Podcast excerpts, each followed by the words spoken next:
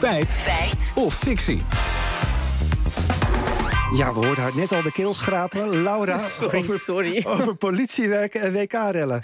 Ja, klopt. Want in het AD stond in een artikel dat de grote inzet van politiekrachten en de mobiele eenheid bij WK-rellen ervoor zorgt dat ook op andere terreinen vertraging zal ontstaan. Bijvoorbeeld dat rechercheurs minder tijd hebben voor zedenzaken of dat agenten aangiftes minder snel kunnen behandelen. Oké, dus door, door één avond rellen zou de politie op andere terreinen meer gaan achterlopen. Ja, ik vroeg me inderdaad ook af of dat wel klopt. Nou, want zedenzaken en aangiftes bij de politie hebben toch niets te maken met het opbreken van rellen door de ME.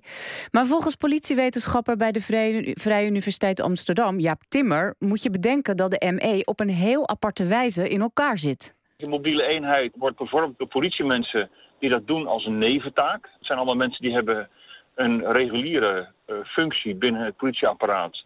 Van wijkagent tot rechercheur. En uh, als een neventaak zijn ze ME'er. Ja, ze doen het er dus bij. En dat gaat op vrijwillige basis als het de agenten leuk lijkt. Iedere politieman of politievrouw die volledig executief is, hè, dus alle opsporings- en geweldsbevoegdheden heeft, die kan zich aanmelden voor de mobiele eenheid. En daar krijgen ze dus speciale opleiding en frequente training uh, voor.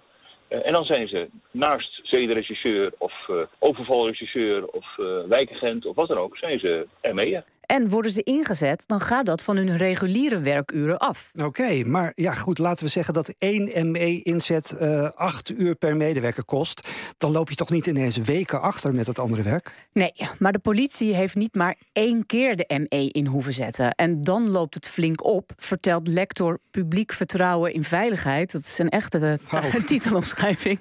Marnix, Marnix IJsink-Smeets van Hogeschool in Holland. Want we hebben natuurlijk al een hele uh, onrustige periode achter de rug... waar de politie bij allerlei ordeverstoringen moet optreden. En natuurlijk blijft daar veel werk door liggen. Ja, dus dan zou ik denken, er moeten meer uh, politieagenten bij. Ja. Nou, op papier wel, maar in de praktijk heb je dat nog als, alsnog niet snel geregeld, zegt politiewe- politiewetenschapper Timmer. Die moet je eerst nog uh, opleiden en trainen. En dan ben je, nadat je ze hebt aangenomen, wat ook al een proces is van ongeveer een jaar ben je minimaal twee jaar verder eerst uh, politieman of politievrouw uh, zijn. Dus als je ze nu gaat werven, heb je pas over drie jaar uh, dat volume erbij. Ja, en het zit niet alleen bij de ME-inzet, zegt lector IJsing-Smeets, maar in het hele stelsel. De politie is door zijn hoeven aan het zakken. Het Openbaar Ministerie heeft het ongelooflijk zwaar. Moeten ze ook zaken laten liggen. De rechterlijke macht is overbelast. En dat lossen we niet met twee pleisters op. We zullen heel fundamenteel na moeten denken...